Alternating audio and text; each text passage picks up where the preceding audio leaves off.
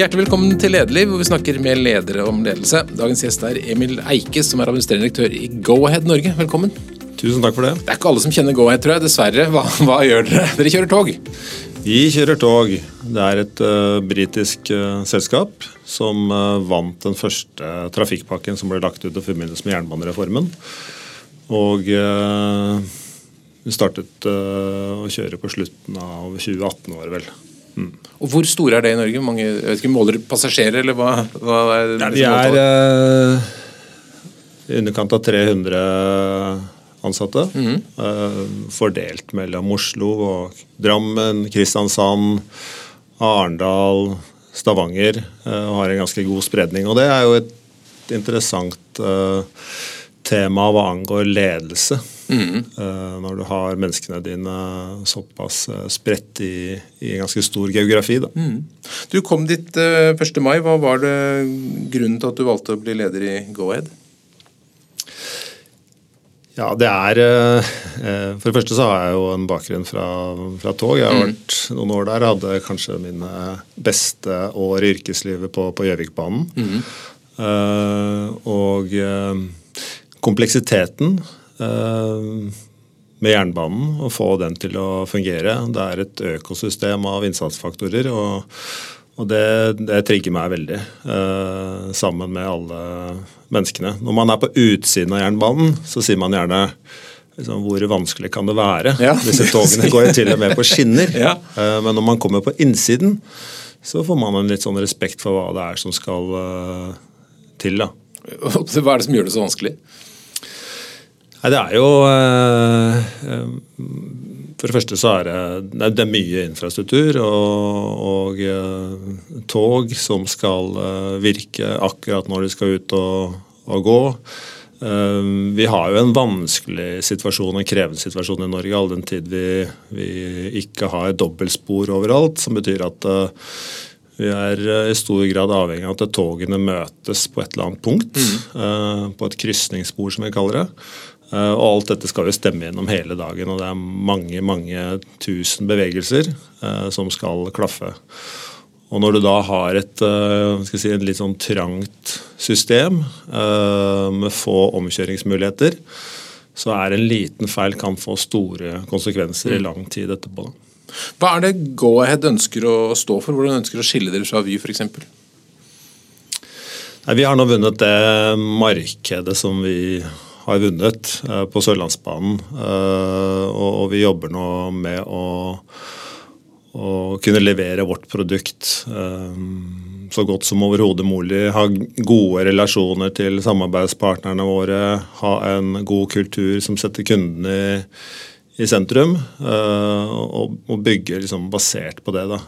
Som sagt så har jeg da bakgrunn fra både Gjøvikbanen, hvor vi hadde en spesiell kultur med tanke på dette med, med kundene i sentrum, og ikke minst tre år som kommersiell direktør i, i Flytoget, mm. som, uh, som, var en veldig god uh, det opplæringsperiode i hvordan man virkelig kan drive kundesentrert. Da. Ja, for Flytoget er vel uten tvil Norges mest vellykkede togselskap? Jeg vil si det. og mange spør seg jo liksom hvordan hvordan er det mulig at Flytoget eh, år etter år klarer å score så høyt på, på kundetilfredshet og omdømme som du eh, måler? Mm. Eh, og, og, togene deres er jo like gamle som andre sine. De ser nesten nye ut, og de er alltid rene, og, og de leverer god kundeservice. Eh, og for meg så er svaret like enkelt som det egentlig er vanskelig. Det er kultur. Mm. Og den kulturen har de klart å, å på en måte befeste da, gjennom alle disse årene. Uh, og vært veldig påpasselig med hvem det er de rekrutterer. Altså De som de rekrutterer inn i Flytoget, må kunne leve den kulturen. Mm. Og det er klart at det, du får noen sånne positive spin-offs av å, å, å, være en sterk merkevare til uh, seks til ti eh, ledige stillinger som, som eh, kundevert, eller flytogvert som det heter, så har man sånn 400-600 søkere. Da har man mulighet til å plukke fram de som, som virkelig leverer på dette kulturaspektet. Da. Det er en god posisjon å være i. Ja. Men La oss ta eh, runden gjennom din leder- eller yrkeskarriere. Du, du startet i Forsvaret. Stemmer. du er. Men hadde du allerede før det aspirert mot ledelse? Var du leder i ungdomsårene også? Nei, jeg vil ikke si det. Uh, det begynte ganske hardt og brutalt uh, i Forsvaret. Startet på befalsskolen en januardag i 88 på Heistadmoen, Kongsberg. Og det var vel egentlig bare et sånn innfall av at skulle gjøre noe litt ekstraordinært ut av førstegangstjenesten. Eh, og helst noe som var eh, fysisk belastende. Mm. Og da ble det infanteriet der, og siden så har det på en måte gått den veien, da. Ble du glad i Forsvaret? Veldig. Uh, jeg var der 13 år, og jeg liksom uh, Eh, det var jo tøft å legge fra seg den grønne uniformen den dagen jeg liksom ruslet ned hit da, på NSB-tomta. Startet på det som var NSB-konsernets sånn trainee-program i mm. 2001. En, ja. Stemmer. eh, fordi det hadde vært en veldig god, veldig god skole. Mm. Ja, For du var utenlands også, i Latvia bl.a.? Ja da. Eh, jeg var militær rådgiver til, eh, til, Baltikum og det latviske forsvaret. Satt som eneste utlending der i, i, det som da var under oppbygning, som skulle bli Latvias utrykningsstyrke til, til Nato i deres søknadsprosess da, til medlemskap der. Hva er det viktigste ting du tok med deg fra Forsvaret når det gjelder ledelse? Alt, kanskje? det er jo det som er basisgrunnlaget mitt når det gjelder ledelse. Uh, og det, det, jeg har med meg liksom virkelig i ryggraden der, er jo liksom det ene å lese terrenget, lese situasjonen, og så hvilke rammebetingelser er det man, man, har. Eh, det er det ene. Det andre er eh, dette med intensjonen. Eh, fordi verden er kompleks. Uansett hvilken ledelsessituasjon du er i, eller hvilken organisasjon du er i, så, så er verden kompleks. Da. Og jeg har ikke uh, vært borti en plan eller en kontrakt eller en strategi for den saks skyld som noen gang har truffet på virkeligheten. Um, og, og, I en forsvarssammenheng da, så er uh, det å, at folkene har forstått intensjonen, er uhyre viktig. Mm. Hvis ikke så er de ikke i stand til å vurdere den situasjonen de kommer opp i, og heller ikke å lede seg selv. For det må de gjøre. Uh, for som uh, for leder i i, i Forsvaret i en uh, krevende situasjon, så, så, er ulike deler av avdelingen din de er spredd utover et stort område. De må være i stand til å lede seg selv. Og da vil de oppleve, mest sannsynlig, sant, at den planen man la på et eller annet tidspunkt, den fungerer ikke lenger. Brua er borte. Uh, høyden er tatt av uh, fienden. Uh, det må legges en ny plan, men allikevel sant, i tråd med intensjonen for hvorfor man i første omgang la den planen. da. Er det noen spesielle opplevelser fra de årene i Forsvaret som du trekker frem som liksom spesielt lærte deg noe om ledelse? Nei, altså uh, det, som, det som, er fint med Forsvaret Forsvaret er jo en lederutdanningsinstitusjon, la oss kalle det det. Og så har man andre lederutdanningsinstitusjoner i, i, i Norge. da. Eh, men Forsvaret er spesielt fordi for meg så handler ledelse om at det er noe du gjør. Eh, så, så i Forsvaret så får du trent på ledelse i praksis. Fra den første spede begynnelsen på Heistadmoen når du står der som 19-åring eh, og du skal lede et lag på syv stykker på en vinterøvelse. Du er på døgn nummer tre. Alle fryser, alle er slitne, alle er sultne og vil hjem.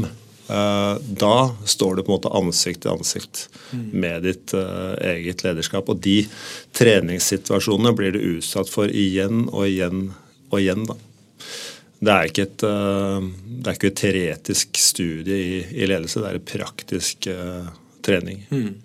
Når du valgte å ta deg uniformen og da gå ut i det sivile, så startet du som du nevnte som trainee i NSB. Hvorfor akkurat NSB? Det var igjen tilfeldigheter.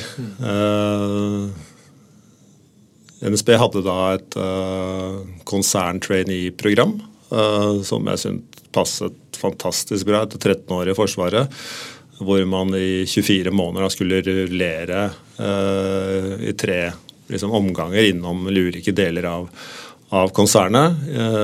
Og jeg startet på et ganske friskt sted, på, på verkstedet i Lodalen. Mm -hmm. og den skal jeg si, litt rett fram åpne kulturen som, som var der. da.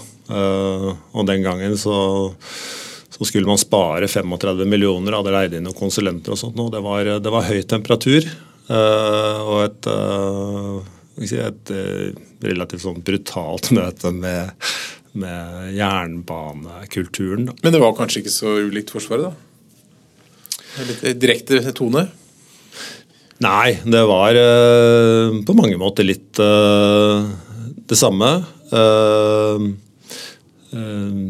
Men eh, Forsvarets systematikk eh, og, og Forsvarets eh, prosedyre for hvordan man på en måte samhandlet, mm. Eh, var nok mer rigid og gjorde en del diskusjoner eh, enklere. Da. Og det, mm. det kommer jo av rett og slett at man, man opererer um, både i det daglige og også i, i krevende situasjoner etter Nato-standarder. Det er jo Innenfor ledelse så er det jo helt avgjørende, spesielt når det blir krevende. Da må man vite hva man sier til hverandre. Uh, jeg må forstå akkurat hva du mener. Uh, så da har man på en måte trent inn en terminologi mm. og et, et, språk. da. Tenker du at Forsvarets metoder er veldig gode å implementere i næringslivet? Absolutt. Mm. Uh, og spesielt dette med, med intensjon. og liksom forståelsen av hva det er man egentlig skal gjøre. Eh, det er jo skrevet mange flotte strategier i alle selskaper. Eh, de kan være veldig lange og veldig glanset. Eh, som jeg sier at det er i bunn og grunn en plan for å oppnå et mål bak en intensjon. Og det er den intensjonen som liksom er det, er det viktigste. Så var du mange år i NSB, rundt omkring både her og der, og helt til du endte opp da som administrerende direktør for Gjøvikbanen. Hva, har vært, hva har vært den mest interessante delen av NSB-jobbingen? Det var de årene på, på Gjøvikbanen. Mm. Jeg var egentlig ikke klar over at det var et eget selskap, men det var åpenbart det. ja, da, nei, det var Bondevik II-regjeringen som mm. konkurransesatte dette i de startet vel opp i sommeren 2006. Mm. Uh, og så kom jeg inn i november, 1. desember i 2009. Da. Og da hadde jeg jo vært i NSB-systemet en stund mm.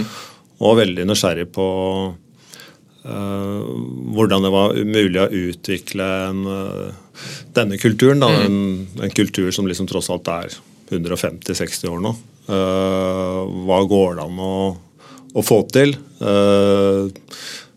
basert på liksom kunde sentrisk eh, tenkning. Da. Mm. Og Både der og da senere i Flytoget så sier du at kultur er viktig. Hva, hva, hva, er, liksom, hva er din samlede erfaring på hvordan man utvikler en god kultur? Det er, eh, det er kommunikasjon. Mm. Uh, altså må, man, man, må prate åpent og ærlig og, og, i hele organisasjonen om hvordan skal vi ha det her. Mm. Altså På en eller annen måte har man det uansett. Uh, spørsmålet er er som, hva er det som skal være drivkreftene for at kulturen uh, utvikler seg. Da. Mm. Uh, og jeg har jo veldig tro på bred involvering. Og, og, heller bruke lang tid i begynnelsen. Mm. lange prosesser hvor mange får være med. fordi da får man en felles tro uh, på noe, og som gjør at gjennomføringskraften blir noe helt annet. Men Du nevnte strategi. Du har også senere vært, før du kom til også jobbet også som strategirådgiver i en periode. Eh, tenker du at hele organisasjonen skal være med på å forme strategien? Så F.eks. nå i, i Go-Ahead, tar du med deg alle ansatte på strategiutvikling? På en eller annen måte så mener jeg at alle bør med. Mm -hmm. Så, så, det må egentlig både vokse opp underfra, uh, men, men, også så må rammene komme ovenfra. Uh, um, så hovedretningen og hva man skal oppnå, og sånt nå, de, de, må på en måte legges. Men det er mange måter å komme i mål mm. med det på. Mm. Uh, og da er jo, representerer jo alle hodene i en bedrift uh, ideer og innspill til hvordan det kan gjøres på den best mulige måten. Og til syvende og sist så er det jo der hvor gjennomføringen skal skje. Mm. Så hvis vi bestemmer oss for at vi mm, på en måte skal skru til et par hakk på, på kundeservicen, og hva det i praksis innebærer, så må liksom de som skal gjøre det, de må være med på å tro på at det kan gi effekt. da. Jeg tror På mange steder så er strategi noe som liksom skjer oppe i ledergruppa og på, på hotell. sånn, altså Folk flest ikke har så mye med det å gjøre og kanskje ikke opplever det som veldig relevant heller. Er, er, det egentlig så viktig for gutta på gulvet og jentene på gulvet hva slags strategi man har? Ja, det vil jeg si er helt uh, avgjørende. Mm. Hvis strategi er lik en plan for å nå noen mål, mm. uh, så tror jeg veldig mye av motivasjonen uh, for alle mennesker ligger i å vite hvorfor gjør vi som vi gjør. hvilken del av denne helheten er jeg? Mm. når jeg gjør som jeg gjør, som er i tråd med planen, hvilke resultater får vi av det? Og hvis man er flink til å dele de resultatene, så skaper man ny motivasjon, og så blir det et felles eierskap. da. Jeg pleier å si at uh, veldig mange reiser til Bolkesjø, mm. og så kommer de tilbake med en uh, strategi. Uh, og så har man et allmøte, og så forventer man at alle skal rope hurra. Mm. men det tror jeg nok mange har brent seg på at det, det, fungerer ganske dårlig. Så hva er den riktige måten? Den riktige måten er å, å få en felles forståelse av, eh, av, eh, hvor selskapet står hen, hvilke verdier vi skal skape for hvem, mm. Eh, og hvordan vi skal gjøre det som et, som et kollektiv. Da. Og på Gjøvikbanen så, så samla vi absolutt alle. I, i, to halvdagssamlinger i, i små grupper. Mm. Og med 100, nesten 100 ansatte, så de gruppene var på ca. åtte personer, så tar det litt tid. Mm. Det tar noen måneder faktisk å gjennomføre det.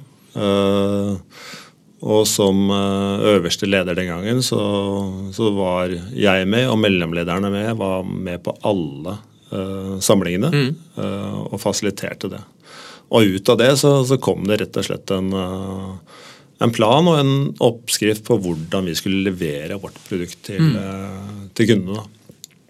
Uh, og da får du et eierskap, uh, du får et commitment, uh, folk blir autonome, du får ansvar og, og myndighet. og etter hvert så begynte også resultatene da å komme, mm. i form av kundetilfredshet og etter hvert også da Eh, lønnsomhet. Da.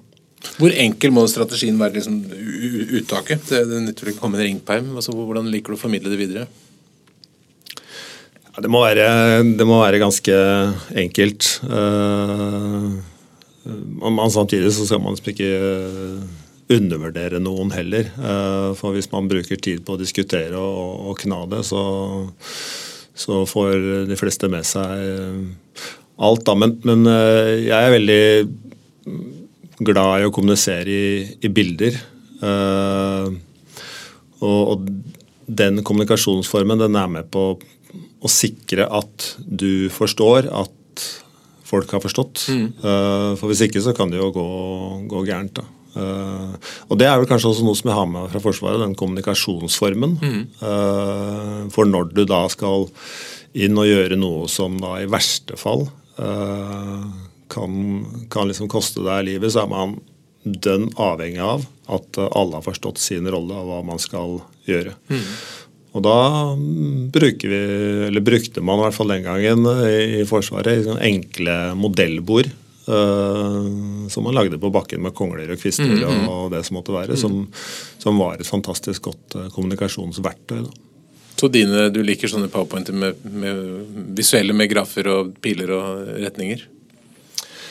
Ja, altså Jeg er mest glad i fyrstikkmennesker og, ja.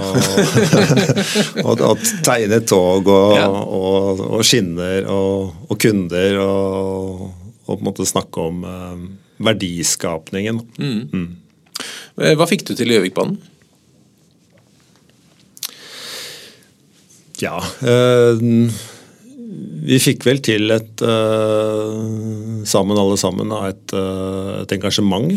Uh, og et samhold og liksom troen på oss selv og vårt felles oppdrag. Mm.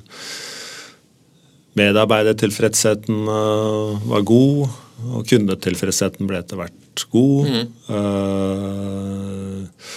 Og togene gikk stort sett som det skulle, men vi var også dønn ærlige. At vi, vi, kjørte på en uh, infrastruktur, infrastruktur, som var fra 19, tidlig 1900-tallet og mm. ment for tømmer, tømmerdrift. Uh, og kunne ikke levere liksom love at vi skulle levere 100% men, uh, men vi skulle i hvert fall levere en, den verdens hyggeligste og mest profesjonelle reisen. Mm. så Um, ja. Jeg, jeg, treffer stadig folk fra den uh, tiden. Uh, og uh, resultatene viser seg jo etter hvert. Ikke sant? Det ble en veldig lønnsom, lønnsom strekning. da. Mm.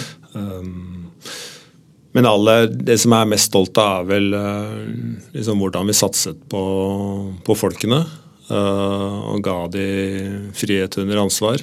Uh, det gjorde jo faktisk sånn at uh, alle fikk en blankosjekk på 5000 kroner som de kunne bruke i møte med kunden og mm. problemer for å løse det der og være liksom servicehelten direkte i møtet uten å måtte snu seg rundt og, og få aksept fra, fra, lederen sin. Da. Det er spennende. Jeg har hørt om fra andre utenlandske case. Hva, hva var effekten av det? Du får jo altså, Den motivasjonsfaktoren som kanskje virker sterkest på, på oss alle, er jo når vi klarer selv. Mm. Når vi mestrer. Eh, vi har, vi har, tydelige rammer. Lederne har vært veldig klare på hva som er intensjonen. Eh, og i dette handlingsrommet så får vi muligheten til å, å, løse det sånn som vi må løse det, basert på hvordan den enkelte konduktør eller lokfører i dette tilfellet da leser og forstår situasjonen. da. Og, og Ble det dyrere enn om det var et mer stramt regime? Ja, det var jo mange som uh, skreik over seg og sa at dette kan du jo ikke finne på. Ikke dette, det kommer jo til å gå inflasjon i bruk av penger. Uh, hadde bare et par-tre små tilfeller. ikke sant? Men muligheten lå der. og Jeg tror at det skapte en, en trygghet. da, At folk uh, skjønte at eh, de ble stolt, stolt på. Mm. mm. Hadde tillit. Interessant. Ja. så hadde du, før Du da, så du var i Gjøgbanen, så var det Flytoget, og så før du da kom til Go-Ahead, så var du en periode strategirådgiver og litt forskjellig, og litt utlært leder og litt av hvert. Eh, når du har sett mye strategiarbeid, hva er det som Jeg syns det er spennende å dvele litt med det, i og med at det, går sånn en rød tråd her. Eh, hva er det som ofte svikter i strategiarbeid? det er at selskapene, eh, og kanskje lederne, da, de får liksom ambisjoner på vegne av selskapet og kanskje seg selv. Eh, man skal bli best i Norge på det og mm. det mest lønnsomme innenfor sin bransje. Det betyr jo ikke noe for noen, gjør det det?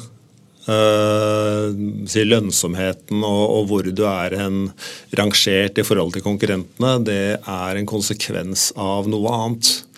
Uh, så det strategiarbeidet og de oppdragene som jeg jobbet med i den uh, perioden, det handlet alltid om at man startet ute og spurte seg selv hvilken verdi er det man skal skape for hvem. Mm.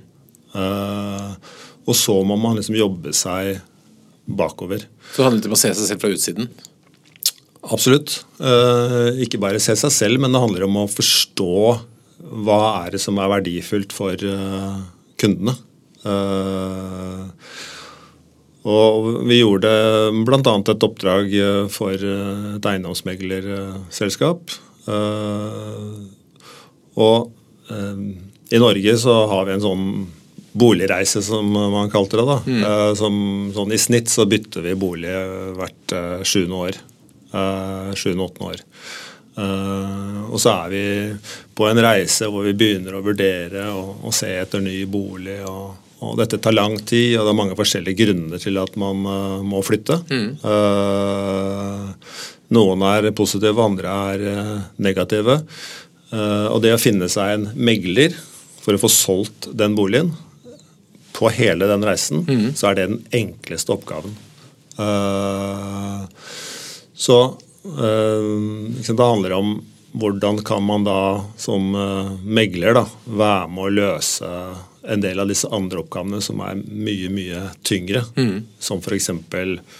hvor skal jeg bo i mellomtiden? Hva skal jeg gjøre med alt det jeg har akkumulert? Mm. Uh, hvordan skal jeg få vasket ut? Hvordan skal jeg få, liksom, få satt på de siste listene? Uh, og så videre og så videre. Uh, og for de som vi jobbet med, de utviklet da tjenester i forbindelse med disse behovene. Eh, og hadde jo kundemøter hvor kundene begynte å gråte av glede at det var virkelig noen som bare kunne hjelpe dem med, mm. med de tingene. Eh, og basert på den forståelsen av hva det er som faktisk skaper verdi, så bygger du strategien utenfra og inn. Mm. Og Hvis vi nå spoler frem til i år, da, når du tiltrådte som leder i Go-Ahead, hvordan ønsker du at de ansatte skal oppfatte deg som leder? Jeg ønsker at de skal oppfatte meg som at jeg, jeg bryr meg om, uh, om de. Uh, og at jeg virkelig er interessert til å, å lytte til hva de tror. Mm. Uh, om hvordan vi kan uh, uh, skape bedre tilbud og, tjenester. Hvilke problemer vi har, hvordan de kan uh, løses. og at de, de, opplever at de faktisk blir hørt og tatt med i de ulike prosessene. Mm. Men som du var inne på, så er jo de spredd over alle, vinner, over alle skinner. Ja. Hvordan løser du det i praksis? Ja, nå har jeg tenkt å bruke sommeren uh, på Sørlandsbanen og på Jærbanen. Mm. Uh, og kommer til å reise til alle stasjonene som vi har. Uh, alle stasjoneringsstedene som vi har. Reise med tog. Jobbe fra de ulike stasjoneringsstedene gjennom sommeren og treffe flest mulig mennesker. Mm. Jeg har en ambisjon om å ganske raskt få truffet og snakket med alle alle 300. Mm. Uh, uh, så vil det av praktiske årsaker liksom ta litt uh, tid. Men det har jeg virkelig troen på. Det har jeg gjort tidligere. Og, og, det er liksom oppsiktsvekkende hvor mye folk har på hjertet. Da. og det skaper, tror jeg, et godt fundament i relasjonen mellom alle de som er i organisasjonen, og som da eh, har fått tildelt meg som leder. Mm. ikke, valgt, ikke valgt det. de har ikke valgt meg. Uh, liksom utgangspunktet for å forstå hverandre.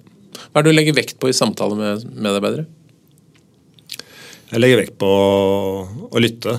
Uh, det handler ikke om noe sånn spesielt spesifikt, men det handler om, at, uh, det handler om å bli, bli, litt kjent. Da. Så jeg er opptatt av uh, egentlig hele deres uh, reise, jeg. Fra hva, hva, de har vært igjennom i livet, og, det de måtte ønske å, å dele. Da. For mm. um, det, det, handler jo om at sant, vi, må, vi, må, stole på hverandre og ha tillit. Uh, Sånn at eh, det, det går an å liksom komme igjennom med kommunikasjon og, og sånt. Men der har jeg jo um, nyter jeg jo helt sikkert litt godt av at jeg har jernbanebakgrunn. Mm. Det har jeg oppfattet at mange er uh, opptatt av. Så denne kompleksiteten kjenner jeg jo til.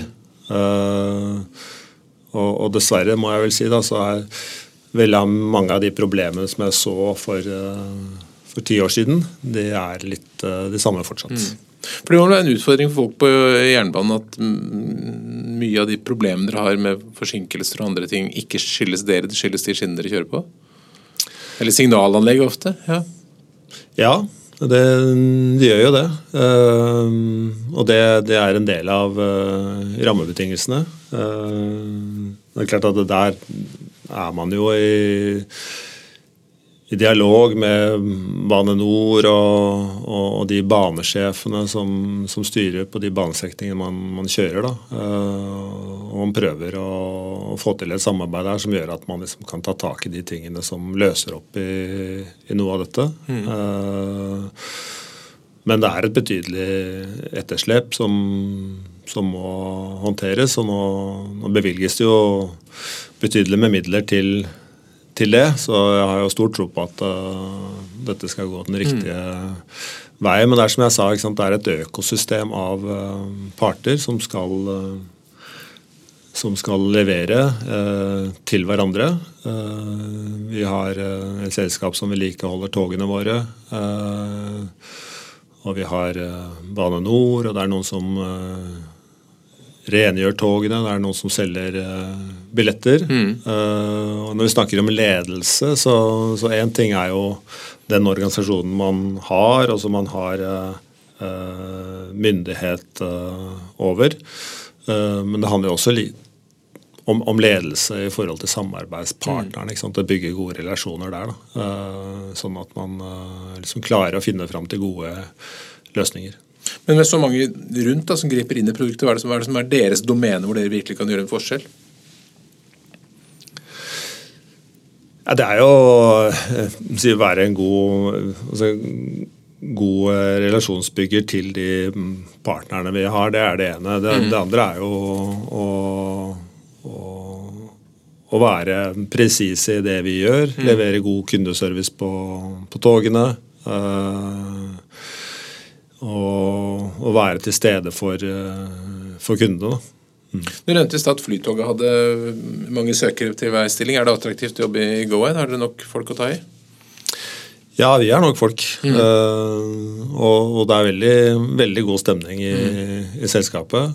Uh, jeg, det er blitt veldig positivt overrasket over den, den gode innstillingen og sånn det er. Og det som uh, vi skal ikke gjøre dette til liksom en, eh, en, en, prat om jernbanereformen, regner jeg med. Men, jo, vi kan gjerne det. men, eh, men, men, det, liksom det man får ved å etablere selskaper av mindre størrelse, som f.eks. vårt eget, som er omtrent på størrelse med, med Flytoget, er litt under, er at du får lederne nærmere de folka som leverer der ute hver eneste dag. Uh, og er det viktig? Ja, jeg, jeg, mener at det er viktig. Mm. Fordi For da har vi anledning til å, å treffes. Uh, vi har anledning til å diskutere muligheter uh, til nye løsninger. jeg som toppleder har muligheten til å ta folk på fersken i å gjøre noe bra og anerkjenne det. Mm. Og alle må på en måte innrømme at vi liker å få anerkjennelse for, eh, for de tingene som vi gjør eh, bra. da. Hvordan kommuniserer du ting ut av disse trønderne? De er jo på toget og sånn. Er det e-post, eller hva er hovedkanalen din? Ja.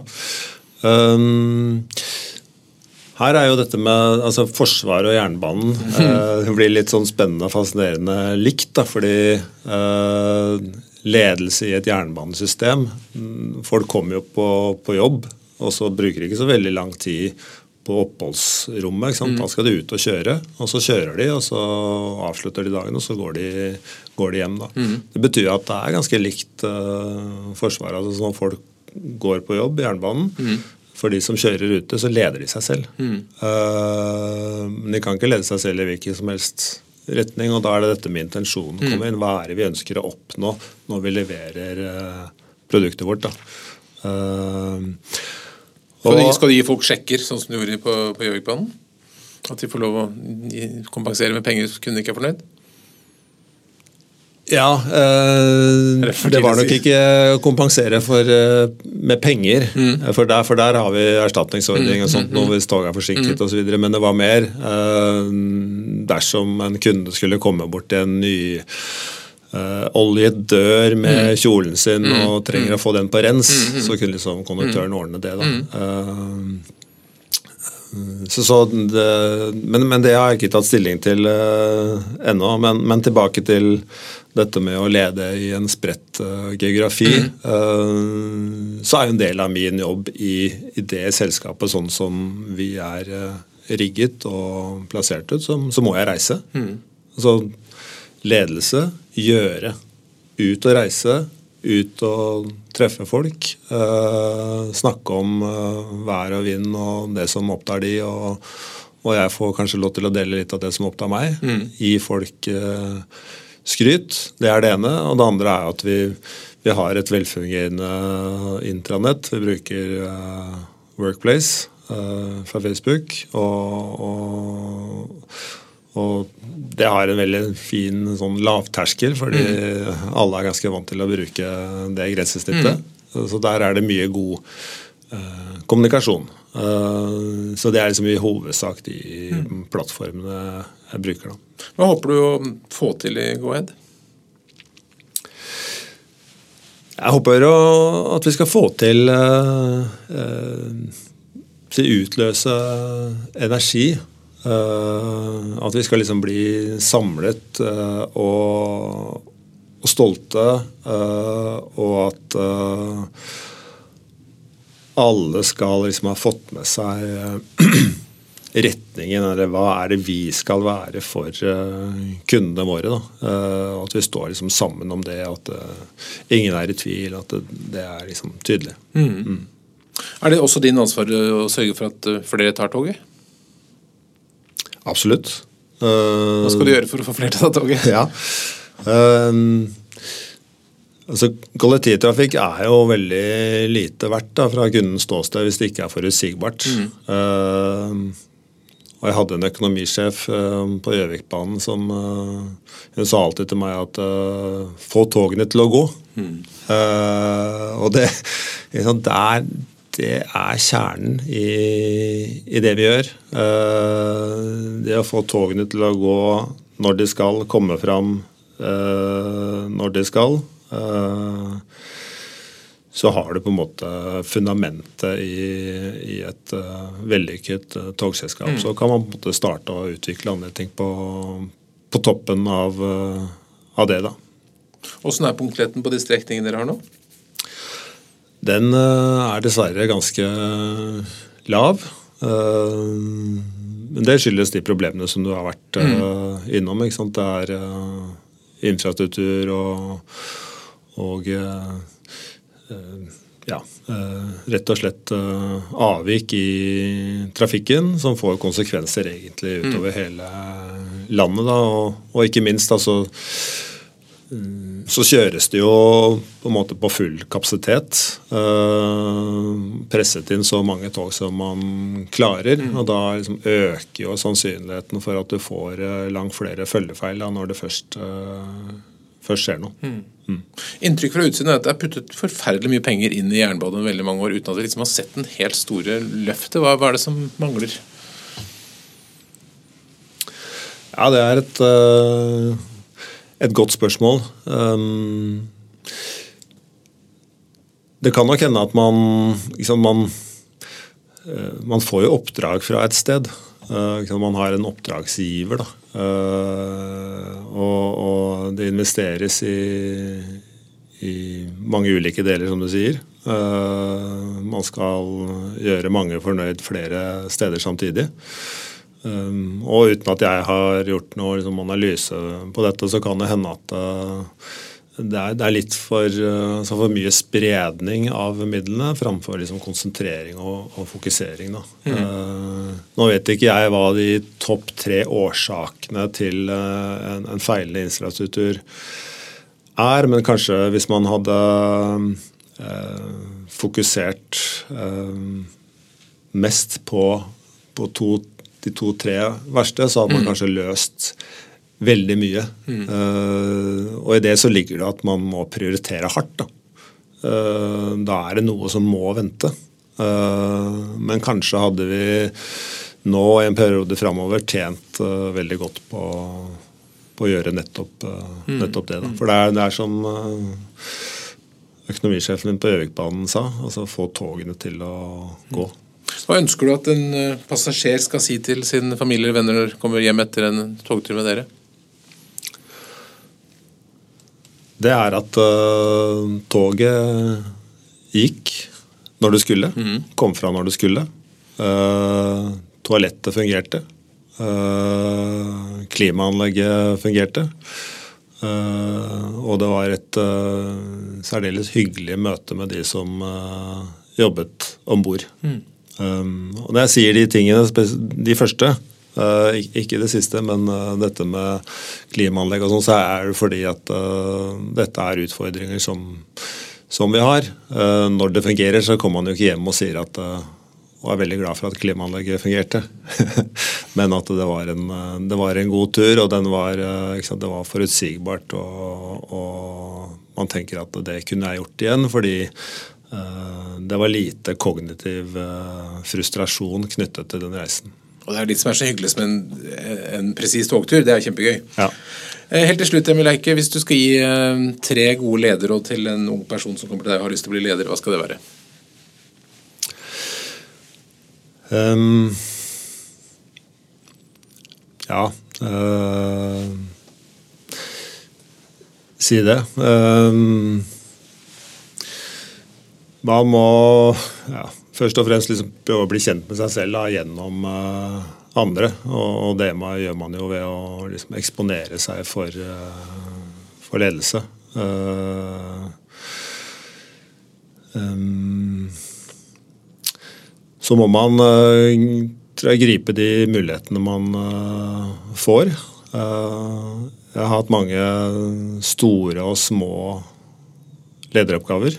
Eh, alle har vært verdifulle. Mm. Eh, du kan lære noe alle steder. Og så tror jeg man eh, ikke skal være engstelig for å ta på seg et ansvar som kanskje umiddelbart føles litt for stort. da. Det går som oftest bra til slutt. Mm. Og så ett råd til. For to. Pass skikkelig. lære, seg, lære seg selv. Kjenne seg selv. Eh, gripe utfordringer. Og Ikke være redd for å ta eh, en lederoppgave som man umiddelbart synes er litt for stor. Veldig bra. Eh, Emil Eike, tusen takk for at du kom til Lederliv. Håper at togene dine kommer til å gå presis i sommer. Det er jeg nesten helt sikker på.